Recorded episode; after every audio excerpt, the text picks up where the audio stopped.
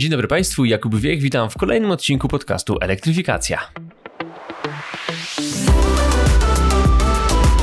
Mam nadzieję, że Państwo zauważyli, że w ostatnim tygodniu zwiększyliśmy częstotliwość wydawania elektryfikacji. Stało się tak dlatego, że mieliśmy wywiad z panem prezesem e, Orlenu Danielem Obajtkiem e, i jak zapowiedziałem na mojej grupie patronackiej, kiedy będą się trafiać takie właśnie wywiady, wywiady z gośćmi z życia publicznego, to częstotliwość elektryfikacji postaramy się zwiększyć, żeby mieli Państwo w jednym tygodniu zarówno taki właśnie wywiad, wypowiedź polityka albo innego przedstawiciela szeroko pojętego życia publicznego, a z drugiej strony, żeby Państwo mieli jeszcze regularnie regularnie odcinek merytoryczny, w którym ja będę tłumaczył pewne tam zawiłości energetyki. Postaramy się utrzymać taki właśnie model wydawania, żeby to było zbilansowane, żeby potrzeby merytoryczne i polityczne były jakoś balansowane. Natomiast dzisiaj jest odcinek trochę polityczny, trochę merytoryczny. Mianowicie przyjrzymy się bardzo dokładnie temu, co o klimacie i polityce klimatycznej mówi Konfederacja. W dzisiejszym odcinku rozbierzemy sobie na czynniki pierwsze narrację konfederatów w sprawie szeroko pojętego klimatu i energetyki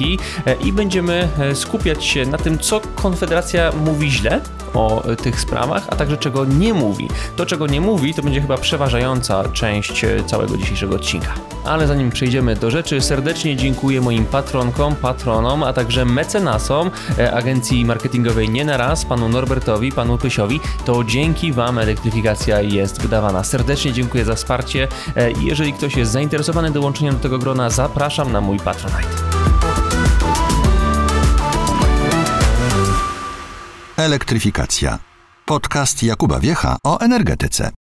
A teraz przechodzimy już do rzeczy. Porozmawiamy sobie o Konfederacji, o tym, jak Konfederacja chce kształtować swoją politykę klimatyczną, o tym, co mówią przedstawiciele tego ugrupowania w sprawie klimatu, energetyki e, i co z tego wszystkiego wynika. Ten odcinek, proszę Państwa, jest takim wstępem do serii odcinków, e, podczas której będę analizował programy ugrupowań politycznych, które ubiegają się o miejsca w polskim parlamencie. Będę przyglądał się temu, co politycy chcą nam zaoferować w kwestii energetyki i z jednej strony będę będę analizował ich e, zamierzenia przedstawione właśnie w programach wyborczych, a z drugiej strony będę starał się kontrować moje zarzuty z przedstawicielami poszczególnych partii bezpośrednio. Od razu zaznaczę, to nie jest tak, że do wyborów będę zajmował się tylko tym. Nie, będą też wydawane zupełnie inne odcinki o tematyce e, oderwanej od polskiej czy nawet światowej polityki. Na te też serdecznie zapraszam, ale z racji tego, że zbliżają się te wybory parlamentarne u nas w kraju, musimy przyjrzeć się temu, co poszczególni kandydaci i poszczególne partie mają do zaoferowania. Na pierwszy ogień poszła Konfederacja. Dlaczego? Ano dlatego, że media odnotowały w ostatnich tygodniach wzrost poparcia dla tego ugrupowania. Ono jest wymieniane już jako trzecia siła w kraju kraju, e, więc chociażby z tego względu należałoby mu się przyjrzeć nieco bliżej. Ale prawdziwym powodem, moim osobistym, jest to, że słuchając polityków Konfederacji mówiących o klimacie, czasami łapie się za głowę. To znaczy, mamy tutaj do czynienia z bardzo, bardzo głęboką trywializacją, infantylizacją polityki klimatycznej, sprowadzeniem tego tematu do jakiejś narracji tworzonej przez ekoterrorystów, czy zielonych komunistów, czy Bóg raczy wiedzieć kogo jeszcze, podczas gdy naprawdę polityka klimatyczna leży zupełnie gdzie indziej, nie tam, gdzie chcieliby jej szukać konfederaci. Wiem, że mam wśród swoich słuchaczy również wyborców Konfederacji. Bardzo Was serdecznie pozdrawiam i od razu uspokajam. To nie jest tak, że teraz biorę Waszą partię na warsztat, będę ją grillował, bo Was nie lubię. Nie. Ja jestem dziennikarzem, moją pracą jest sprawdzanie tego, co mówią politycy, przykładanie do tego pewnych e, miar i wag, które znam, które wiem, że są prawdziwe. To jest moja praca, tym się zajmuję. Natomiast będę też jeszcze zajmował się innymi partiami, to macie w standardzie i nie chcę Was odwodzić od głosowania na tę czy inną partię albo zachęcać do głosowania na dane ugrupowanie chcemy po prostu przedstawić pełen obraz sytuacji. I bardzo Was proszę, jeżeli chcecie krytykować ten podcast lub mnie samego, to róbmy to merytorycznie. Skupcie się na tym, co naprawdę mówię, skupcie się na moich argumentach, nie na tym, co myślicie, że mówię, albo e, na tym, co myślicie, że jestem, że sobą reprezentuję. Przygotowując się do tego podcastu, prześledziłem to, co Konfederacja w ostatnich latach mówiła o klimacie i w zasadzie mogę powiedzieć, że główną receptą tego ugrupowania na problemy, które Polska ma z unijną polityką klimatyczną, jest to, żebyśmy albo z tej polityki zrezygnowali, albo nawet wyszli z Unii, Przynajmniej takie sugestie są gdzieś tam suflowane. E, innych recept tak naprawdę nie ma. E, I to prowadzi mnie do wniosku, że obietnice czy zapowiedzi składane przez to środowisko są po prostu nierealne. Spójrzmy na przykład na wpis na stronie Konfederacji umieszczony 31 marca 2022 roku. Według Konfederacji polski rząd powinien odejść od unijnej polityki klimatycznej, czyli pakietu klimatycznego, Europejskiego Zielonego Ładu i pakietu Fit for 55, rozpocząć dywersyfikację dostaw ropy i procesu negocjacji dostaw przede wszystkim z Iranu, Norwegii, USA, Kanady, Kazachstanu, rozpocząć dywersyfikację dostaw gazu oraz zwiększyć wydobycie polskiego węgla. Polska dyplomacja musi zabiegać o to, żeby odblokować ropę z Iranu. Przywołam również także wypowiedź jednego z ówczesnych posłów Konfederacji, Artura Dziambora, który 30 grudnia 2021 roku powiedział, że Polska powinna wyjść z unijnego systemu ETS, ponieważ jest on dla nas niekorzystny. Podobnych wypowiedzi składanych przez różnych liderów czy członków tego ugrupowania mamy bardzo wiele i na tym chciałbym w pierwszej kolejności się skupić. Zastanówmy się najpierw na tym, czy Polska ma jakiekolwiek możliwości wyjścia z tej tak zwanej unijnej polityki klimatycznej. Otóż, proszę Państwa, mamy w zasadzie jedną możliwość na taki stan rzeczy, wychodząc z Unii Europejskiej. Wyjście z unijnej polityki klimatycznej to jest wyjście z Unii Europejskiej. W ramach aktów prawa unijnego, które tworzą unijną politykę klimatyczną, czyli na przykład w ramach dyrektywy ETS tworzącej system handlu emisjami, nie ma możliwości prawnych, w ramach których państwo członkowskie mogłoby się jednostronnie zrzec tych zobowiązań, które ciążą na nim właśnie ze względu na te normy prawne. To jest niemożliwe prawnie w ramach Unii Europejskiej, więc nie ma tutaj takiej furtki pozostawionej nam przez te właśnie akty, żebyśmy sobie jako Polska mogli w pewnym momencie podziękować chociażby za unijny system handlu emisjami. Polska brała udział przy tworzeniu bardzo wielu aktów prawa wchodzących w skład tej tak zwanej unijnej polityki klimatycznej. Myśmy wiedzieli, co robimy,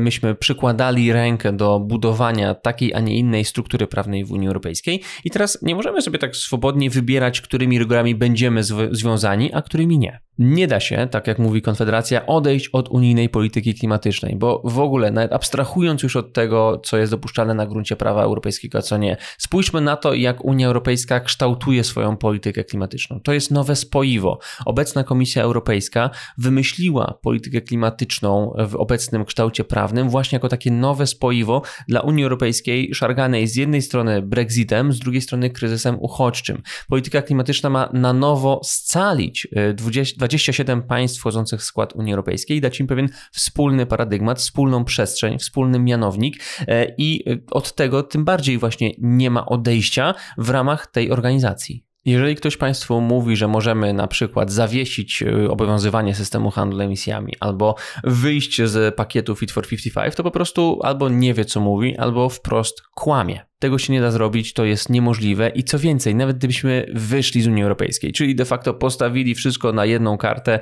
kartę polexitu, to i tak unijna polityka klimatyczna by nas obowiązywała. I to poza faktem, że nie można zrzec się jednostronnie obowiązywania unijnego prawa, jest drugą rzeczą, o której nie mówi nam Konfederacja. Mianowicie, nawet wychodząc z Unii Europejskiej, jesteśmy dotknięci pośrednio, ale jednak obowiązywaniem unijnej polityki klimatycznej. Ktoś powie, cholera jasna, to ta unijna polityka będzie nas prześladować do końca życia. No jak to jest możliwe? Już tłumaczę. Otóż proszę Państwa, przyjmijmy taki scenariusz, że Polska faktycznie wychodzi z Unii Europejskiej. Pomijmy te wszystkie skutki gospodarcze, społeczne, które wtedy miały miejsce i byłyby katastrofalne. Skupmy się tylko na relacjach dotyczących polityki klimatycznej.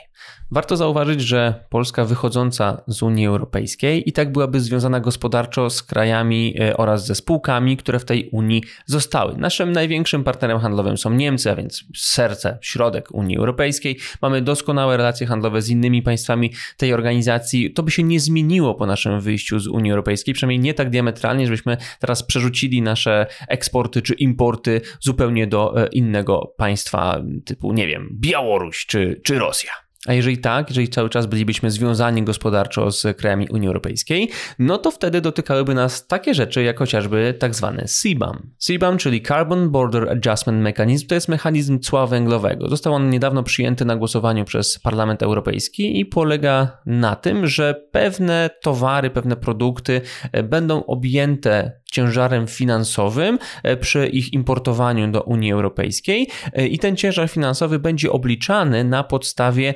emisji e, gospodarki państwa, w którym te produkty zostały produkowane. Uprośmy to i sprowadźmy do naszego konkretnego przykładu. Polska jest krajem o bardzo wysokiej intensywności emisji. Średnia intensywność emisji z naszej energetyki to jest około 750-700 gramów CO2 na kilowatogodzinę, trzy razy więcej niż średnia unijna.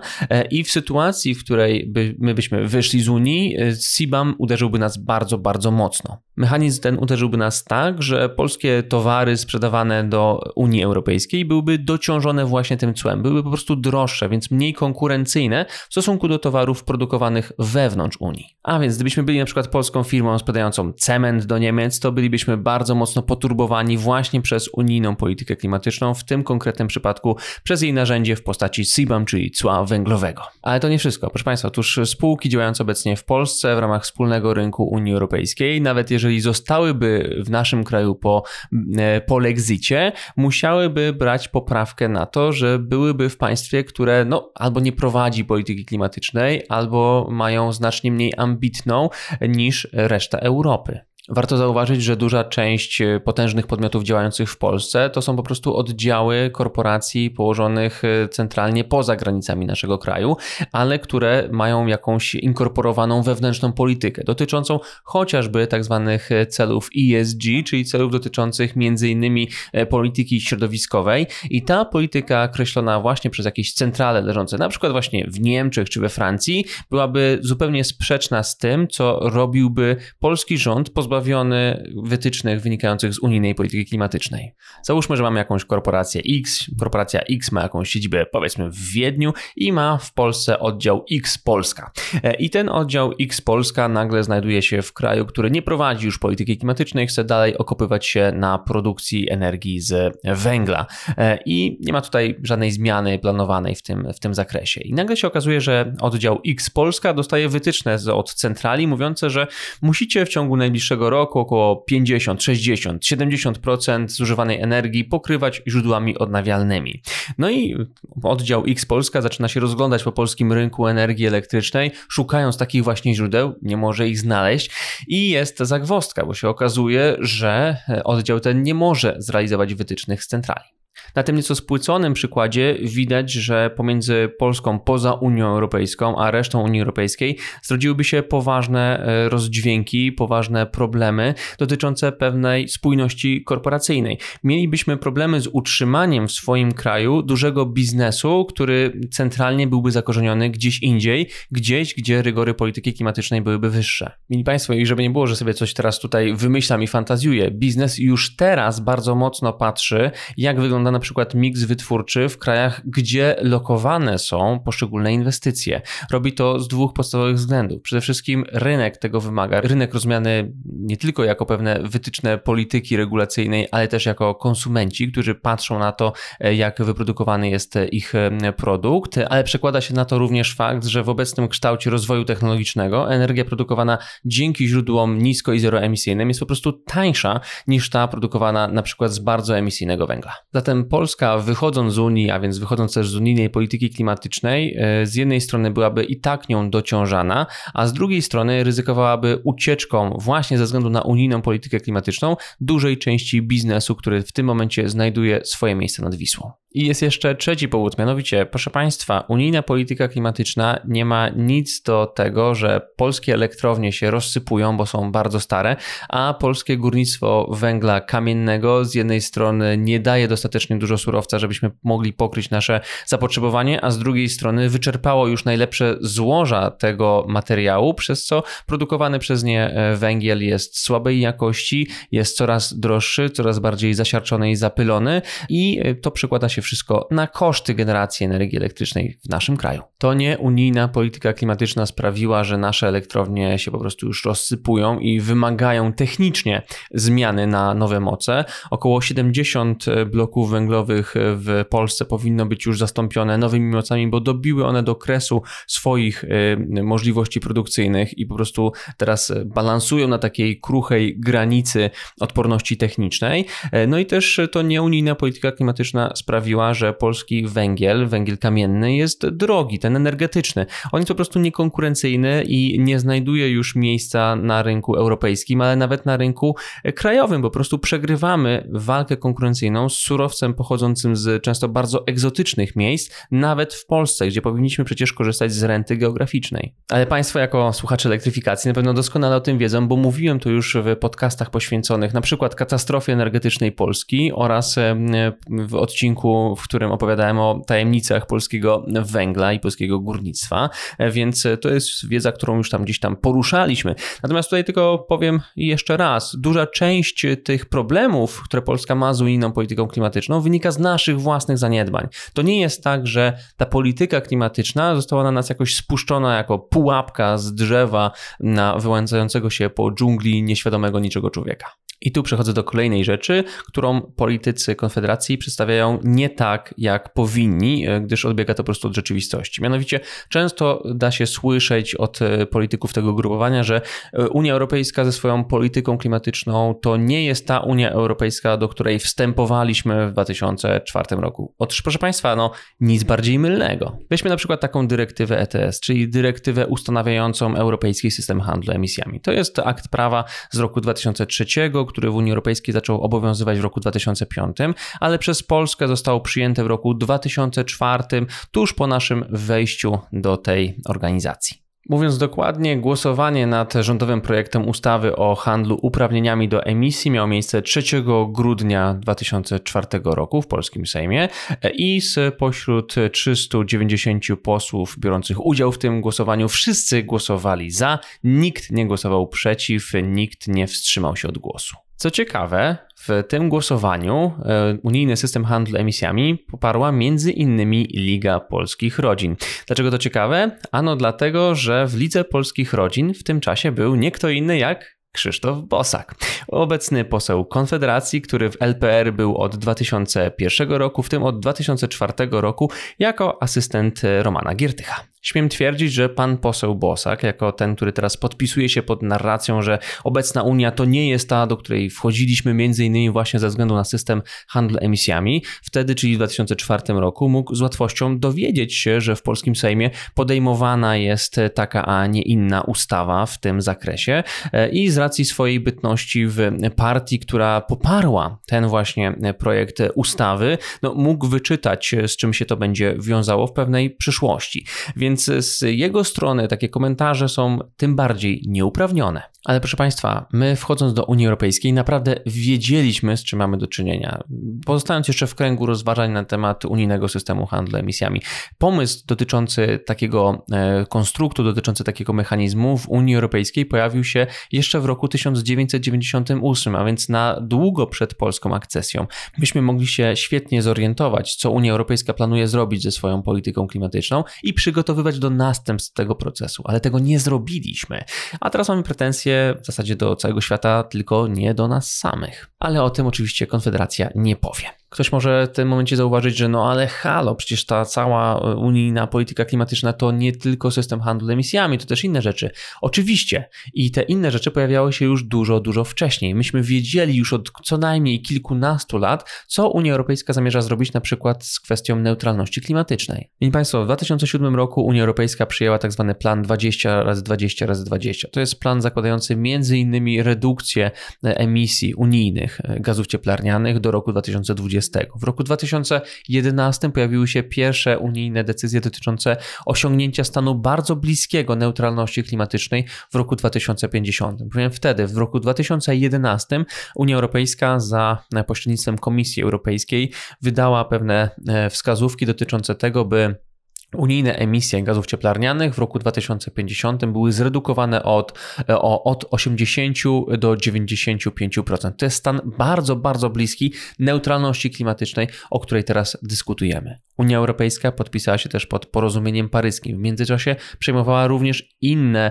bardzo ważne dla swojej polityki klimatycznej dokumenty. Między innymi zmieniła w nieco system handlu emisjami. Myśmy do tego się naprawdę mogli przygotować. Mieliśmy kupę czasu żeby przetransformować swój miks energetyczny tak, żeby on nie był podatny na rygory unijnej polityki klimatycznej, ale nie zrobiliśmy tego. I jeszcze raz komentuję ten zarzut, że Unia Europejska obecna to nie jest ta Unia, do której wchodziliśmy. Oczywiście, proszę Państwa, że pewne różnice są, to jest naturalne. Mówimy tutaj o dynamicznej instytucji, o instytucji, która cały czas e, transformuje swoje prawo stanowione, swoje mechanizmy funkcjonowania, reagując na przykład na otaczający ją świat, na otaczające ją e, e, okoliczności, bo jest de facto tworem żywym, tworzonym przez państwa członkowskie. I my też jako Polska tworzymy tę rzeczywistość prawną i instytucjonalną Unii Europejskiej. Potrafimy ją transformować również w pewnym sensie w, według naszego interesu. Natomiast y, mamy taki problem, że my jako kraj robimy przede wszystkim y, taką politykę wewnętrzną. Nawet polityka zagraniczna w Polsce jest podporządkowana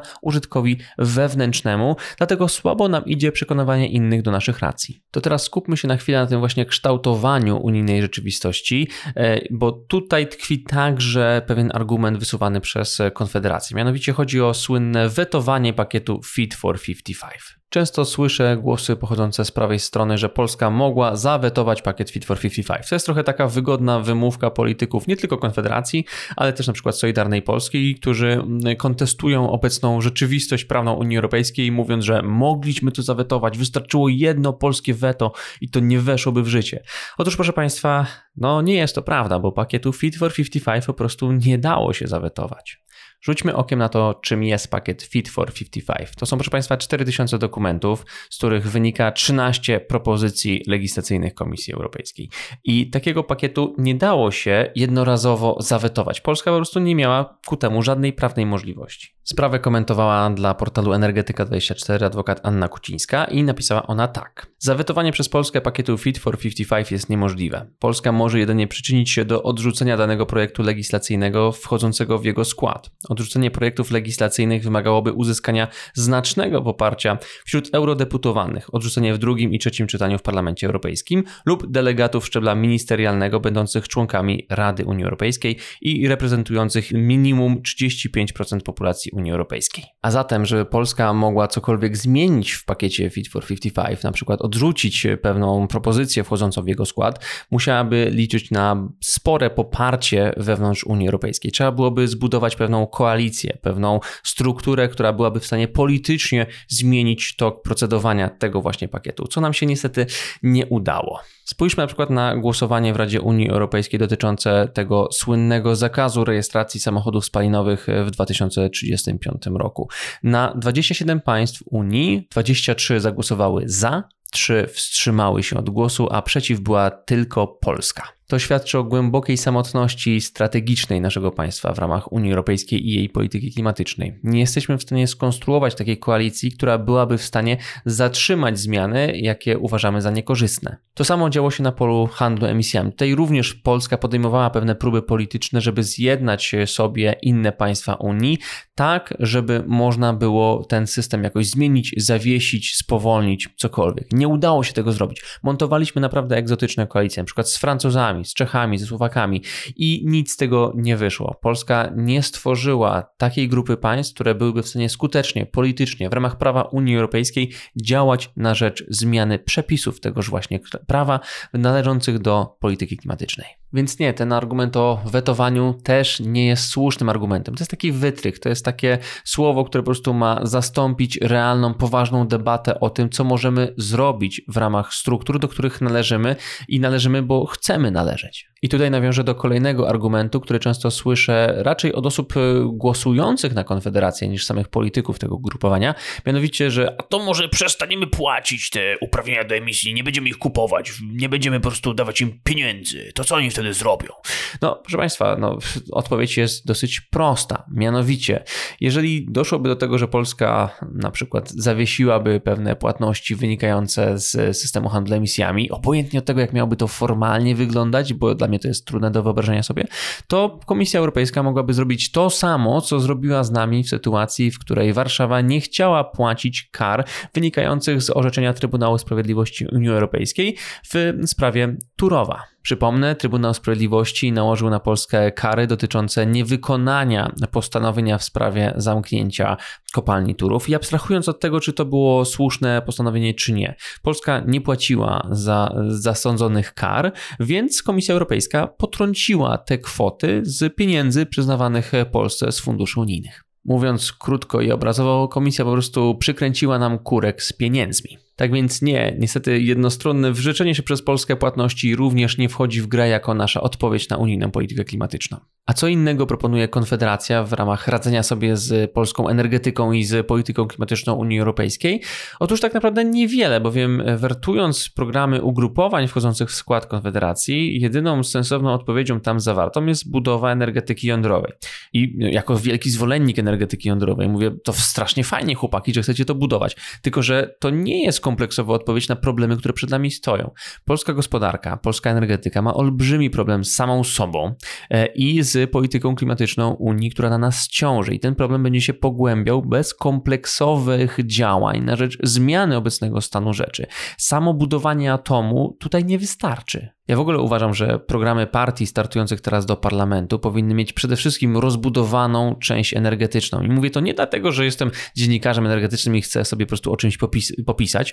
Mówię o tym dlatego, że jestem obywatelem i widzę to, co się dzieje z naszą energetyką. Jestem tym przerażony i chciałbym, żeby politycy wreszcie poważnie podeszli do tej rzeczy, mianowicie, żeby pokazali mi na starcie, zanim ja jeszcze na nich zagłosuję lub nie zagłosuję, co chcą robić z tą krytyczną częścią polskiej gospodarki, która będzie rzutować na konkurencyjność całego kraju, na nasze miejsce w Europie, na nasz poziom życia, na nasz dochód, na wszystko tak naprawdę, co nas otacza, jeżeli mówimy o płaszczyźnie gospodarczej. A tak w ogóle to warto zaznaczyć, że atom jest pewnym konsensusem w polskiej polityce, to znaczy i PiS, i Platforma Obywatelska, i Razem, i Konfederacja, a nawet Szymon Hołownia pozytywnie mówią o energetyce jądrowej. To jest coś, co w zasadzie e, zjednało sobie wielu zwolenników i teraz jest dosyć powszechnym mm, planem, powszechnym celem, jeżeli chodzi o polską politykę. Tylko takie planktony typu tam wiosna, zieloni są przeciwko tej technologii, natomiast to nie są siły, które byłyby w stanie realnie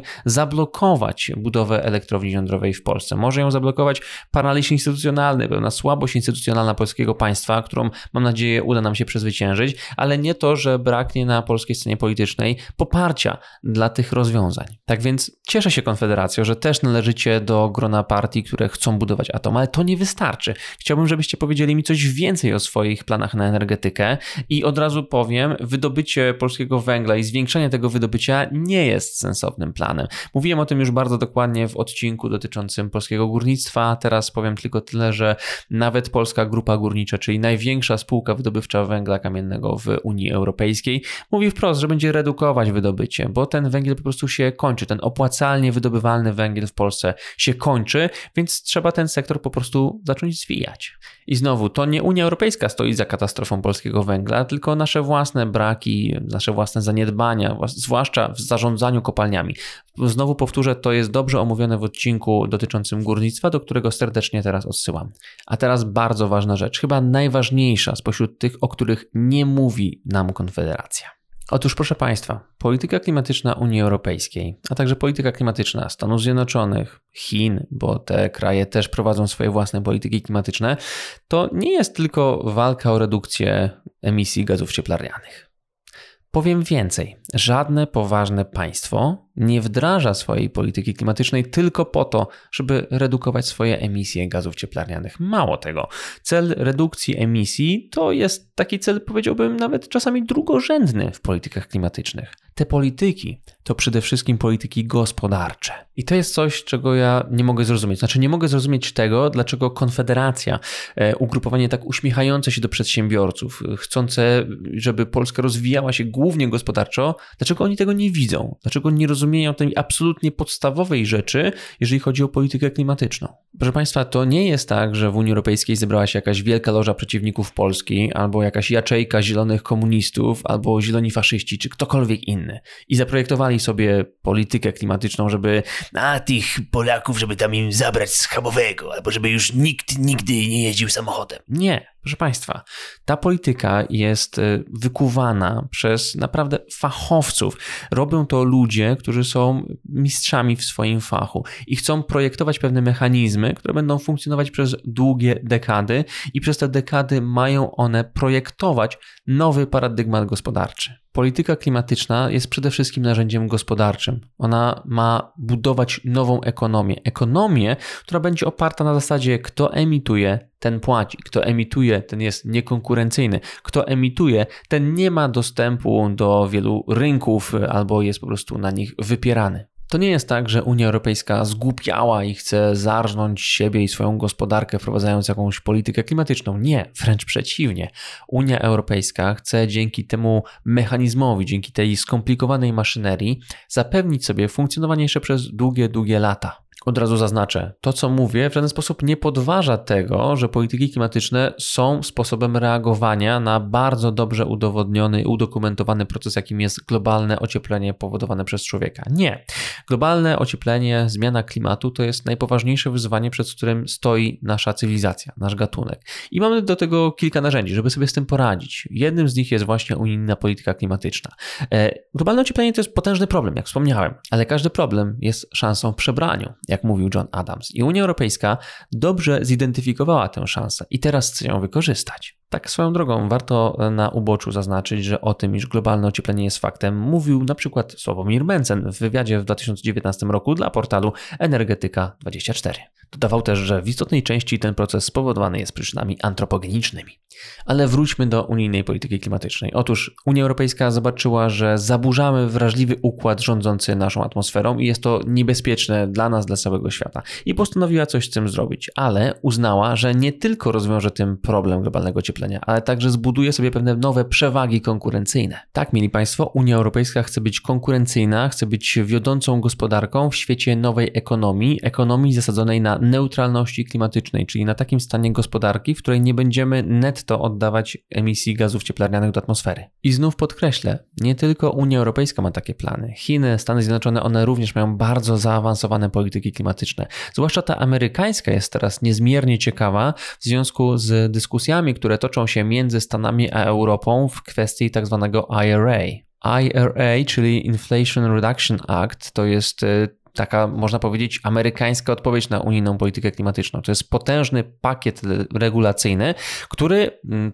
jest de facto podjęciem przez Stany Zjednoczone walki z Europą o prymat w kwestii tej nowej zielonej ekonomii. Nie chcę tutaj szczególnie rozwodzić się nad tym, czym jest IRA i jak wygląda to amerykańskie uderzenie, jeżeli chodzi o e, politykę klimatyczną. Powiem tylko, że kilka dni temu byłem na bardzo ciekawym spotkaniu, niestety zamkniętym, nie mogę go dokładnie relacjonować, ze stroną amerykańską, gdzie padały takie stwierdzenia, iż właśnie Waszyngton podejmuje walkę z Europą, z Brukselą w kwestii polityki klimatycznej i być może dzięki odpowiedniemu kształtowaniu amerykańskiej polityki na tym tle uda się Amerykanom wydrenować Europę z miejsc pracy i przyciągnąć je do siebie. Amerykanie też wypatrzyli te możliwości, które zaobserwowała jakiś czas temu Europa i chcą je wykorzystać, oczywiście na swoją korzyść, więc widać tutaj już zacieśniającą się walkę i rywalizację, jeżeli chodzi o polityki klimatyczne.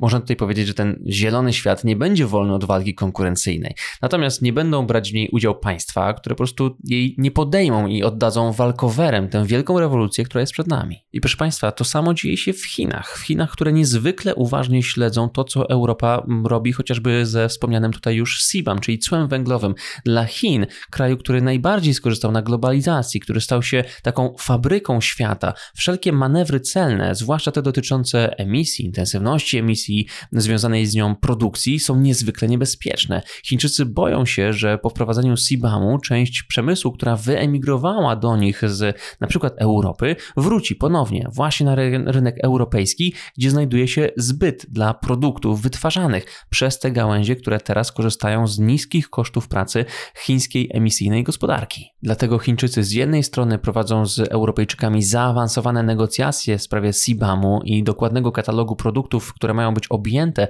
tym właśnie cłem, a z drugiej strony sami zmieniają swój miks energetyczny, inwestują najwięcej na świecie w źródła odnawialne, w energetykę jądrową, starają się też obniżyć emisje i mają już zapowiedzianą ścieżkę zejścia z tymi emisjami po 2030 2030 roku oraz mają zadeklarowaną datę osiągnięcia neutralności klimatycznej, jest to rok 2060, a także wprowadzili w roku 2021 swój własny system handlu emisjami, wzorowany na tym europejskim. To samo robią Indie, które zapowiedziały gigantyczne inwestycje w moce jądrowe oraz odnawialne. To samo robią Japończycy, to samo robi reszta dużych, rozwiniętych gospodarek. W tym momencie gospodarki odpowiadające za 70% światowego PKB zadeklarowały już swoje własne cele w zakresie neutralności klimatycznej. Mówię to po to, żeby wytrącić z rąk konfederatów klasyczny argument, który pojawia się w ich dyskusjach o polityce klimatycznej, że to tylko ta Europa idzie w to zielone szaleństwo, a reszta świata nic z tym nie robi.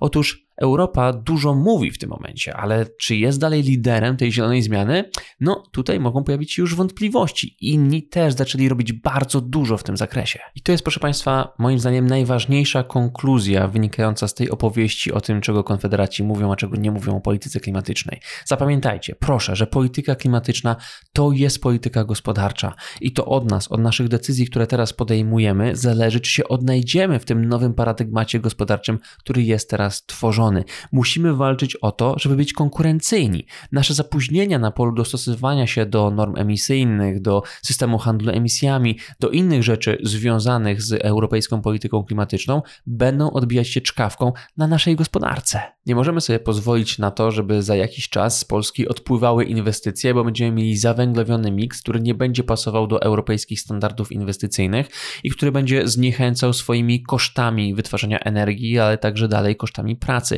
Nie stać nas na to. Nie możemy sobie pozwolić na taką degrengoladę gospodarczą, bo Polska będzie podupadającym ekonomicznie krajem. A my tymczasem tak naprawdę przyzwalamy na to, żeby w latach 30. w polskim systemie elektroenergetycznym wystąpiła potężna luka generacyjna w wysokości około 11 gigawatów. W takim układzie nie tylko nie będziemy konkurencyjni, ale też będziemy mieć problemy z zaspokojeniem swoich własnych potrzeb, jeżeli chodzi o produkcję energii elektrycznej. Może się stać tak, że będziemy mieć na trwałe wkomponowane w gospodarkę pewne limity zużycia energii elektrycznej, przypadające zwłaszcza na przemysł. Nikt nie zbuduje fabryki w kraju, który nie jest w stanie wyposażyć swojej gospodarki w dostatecznie dużo, dostatecznie czystej energii. Tak samo już teraz w Europie nikt nie będzie finansował inwestycji w państwie, które odstaje istotnie od unijnych standardów w ramach polityki klimatycznej. I proszę Państwa, nie dziwmy się, że reszta Unii Europejskiej nie chce wspierać Polski w tym zakresie, bo inne kraje, nawet te wywodzące się z bloku wschodniego, z bloku dawnego bloku sowieckiego, zwęszyły już swoje szanse w tym zakresie i chcą się dołączyć do tego wielkiego wyścigu, a my niestety stoimy okoniem. Mamy zapóźnienia na polu energetyki, dlatego tak bardzo boli nas system handlu emisjami. Mamy zapóźnienia na polu transportu publicznego i transformacji naszych miast oraz y, węzłów komunikacyjnych, dlatego tak bolą nas wszystkie manewry prawne przy y, samochodach spalinowych. Mamy zapóźnienia jako kraj, który zasadał się przez długie lata na górnictwie, które zaczęło jednak podupadać, dlatego wszelkie próby dociskania tego sektora, na przykład związane z emisjami metanu, są dla nas szalenie ważnym i dużym zagrożeniem. Ale znowu, to nie jest tak, że to wszystko na nas spadło nagle. Mogliśmy się do tego przygotować, mogliśmy zrobić bardzo dużo rzeczy, żeby uniknąć tego wszystkiego, z czym teraz musimy się mierzyć. Nadal mamy czas, żeby uniknąć wielu bardzo przykrych konsekwencji, które mogą na nas spaść w nieodległej przyszłości. Ale proszę Państwa, nie zrobimy tego, jeżeli zamiast poważnej debaty o unijnej polityce klimatycznej będziemy słuchać takich głosów jak te, które teraz dochodzą z Konfederacji, czyli na przykład głosów o robakach. To jest w ogóle jakiś naprawdę niesamowity skandal, że akurat to ugrupowanie zaczęło tak bardzo grzać temat robaków. Dlaczego? Ano dlatego, że ta cała sprawa zasadziła się na tym, iż Unia Europejska przychyliła się do wniosku przedsiębiorcy i dopuściła do obiegu, do unijnego rynku produkty wytwarzane dzięki sproszkowanym robakom. I Stąd wzięła się ta cała sprawa. Mieli Państwo, ugrupowanie, które na sztandary bierze obronę przedsiębiorców, w tym momencie zaatakowało Unię Europejską za to, że przychyliła się do wniosku przedsiębiorcy. Czy Wy widzicie w tym jakiś sens? Bo ja nie. Konfederacja powinna chwalić Unię Europejską, że ta działa na rękę przedsiębiorcom, którzy akurat chcą wytwarzać sobie produkty spożywcze zrobione z robaków. Akurat tutaj mówimy o mące ze świerszczy. To jest ich prawo. Jeżeli znajdą do tego nabywców, to mogą sobie takie produkować i sobie sprzedawać Nikt nas nie zmusza do jedzenia robaków. Nikt nie będzie wciskał robaków ludziom w usta. Nie będzie takich planów. To jest po prostu przychylenie się do wniosku przedsiębiorcy, który chciał to produkować i który dzięki teraz decyzji wydanej przez Unię Europejską, będzie mógł to robić. I tyle. Robienie z tego międzynarodowej afery jest po prostu śmieszne, jest niepoważne. Dowodzi temu, że ugrupowanie, które bierze takie hasła na swoje afisze, po prostu niepoważnie traktuje swoich wyborców. I tutaj trafnie Państwo wyczytują, że to jest zarzut nie tylko pod adresem Konfederacji, bo nie tylko Konfederacja brała udział w tej całej Robak Gate. To samo dotyczy tego sławetnego raportu C40 Cities, który wbrew temu, co mówią w mediach, wcale nie nakłada jakichś celów w zakresie rezygnacji z jedzenia mięsa. To jest, proszę Państwa, y, dezinformacja w zasadzie albo mizinformacja, bowiem w tym raporcie po prostu był pewien wskaźnik referencyjny dotyczący możliwych redukcji emisji, który faktycznie liczył, ile byśmy zaoszczędzili emisyjnie, gdybyśmy zrezygnowali z jedzenia mięsa, ale nawet autorzy tego raportu mówili, że to jest nierealne że to jest nie do wprowadzenia we współczesnym świecie. To był po prostu takie, e, taki benchmark, taki wskaźnik referencyjny, punkt odniesienia, a nie realny cel, który miał przyświecać, jeżeli chodzi o tworzenie jakichś nowych norm prawnych. Ale znowu zrobiła się wielka afera, politycy pokrzyczeli, jeden drugiego nazwał zielonym faszystą, e, drugi nazwał jednego e, denialistą klimatycznym. Zadowoleni prowadzący programów publicystycznych mogli poobserwować, jak w ich audycjach trwa nawalanka, a tym Tymczasem reszta społeczeństwa została trochę jak Himmelsbach z angielskim, bo nie dowiedziała się niczego nowego na polu unijnej polityki klimatycznej i też nikt ją nie poinformował o tym, że jeżeli nie podejmie się szybkich działań w tym zakresie, w zakresie dostosowania polskiej gospodarki do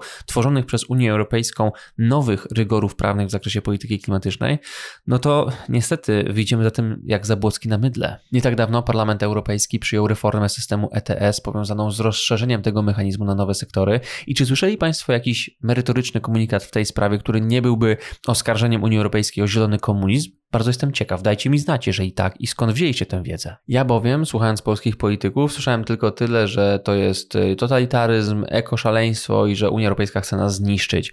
No dobrze, i co my z tym zrobimy? Hm? I to niech będzie podsumowanie tego odcinka. Mianowicie, tutaj nie ma recepty. Konfederacja nie daje realnej recepty dotyczącej unijnej polityki klimatycznej. Ja nie wiem, co oni chcą zrobić z rygorami, które tworzą się w ramach Unii Europejskiej. Nie wiem. Nie mówią tutaj nic realnego w tym zakresie, więc prawdopodobnie po prostu będą robić to, co wszystkie inne rządy, te poprzednie, rządzące nami od momentu wejścia Polski do Unii, mianowicie będą po prostu przyjmować te nowe regulacje i starać się jakoś tak kreatywnie je księgować, żeby w jak najmniejszym sposób dotykały polskiego społeczeństwa. Tylko, że to jest bardzo reaktywna polityka. My potrzebujemy proaktywnej, to znaczy nie potrzebujemy tylko łatać dziur i leczyć ran. Potrzebujemy także walczyć zabiegać o to, żeby Polska była dalej dominującą, rosnącą gospodarką w Unii Europejskiej, żebyśmy się rozwijali, żebyśmy wzbogacali się o nowe biznesy, nowe przedsiębiorstwa, nowe kompetencje, żebyśmy rośli, a nie cofali się w rozwoju. Natomiast wszystkie te zapowiedzi polityków, że zrezygnujemy z ETS, że wyjdziemy z polityki klimatycznej, że będziemy zwiększać wydobycie polskiego węgla, to jest cofanie nas w rozwoju. Nie okłamujmy się, proszę Państwa. To jest skuteczna recepta na to, żeby w niedługim czasie w Polsce dokonała się absolutna degrengolada gospodarcza. Co ciekawe, to jest właśnie recepta głoszona przez tych, którzy twierdzą, że są obrońcami przedsiębiorców. Nic bardziej mylnego. I tym smutnym akcentem zakończę dzisiejszą elektryfikację. Mam nadzieję, że słuchają nas w tym momencie politycy Konfederacji. E, ja, mieli Państwo, przedstawiłem swoje racje, swoje argumenty w tym zakresie. Jestem oczywiście gotowy na Waszą kontrę. Bardzo Was zapraszam do mojej audycji. Chcę z Wami porozmawiać, chcę usłyszeć, co Wy macie do powiedzenia w tym zakresie. Chętnie zderzę moją argumentację z Waszą. To zaproszenie kieruję w szczególności bardzo mocno do Pana Sławomira Medycena, do Pana Krzysztofa Bosaka. Bardzo chętnie się z Panami spotkam, porozmawiam e, i posłucham tego, co uważacie o tym, co tutaj powiedziałem. Zapraszam. Mam nadzieję, że się wkrótce zobaczymy, a ja w tym momencie kłaniam się nisko Państwu i do usłyszenia w kolejnych odcinkach elektryfikacji, tych politycznych, tych e, innych, e, we wszystkich. Dziękuję serdecznie tym, którzy wspierają mnie za pośrednictwem Patronite'a, zwłaszcza bardzo mocno dziękuję moim mecenasom, panu Pysiowi, panu Norbertowi, agencji marketingowej Nie na raz. Uprzejmie proszę Państwa o wspieranie mnie na Patronite, to dzięki temu, dzięki właśnie takiemu wsparciu elektryfikacja dalej się ukazuje, a ja teraz już żegnam się i do usłyszenia w kolejnym odcinku mojego podcastu. Jakub Wiech, kłaniam się nisko. To była Elektryfikacja. Podcast Jakuba Wiecha o energetyce.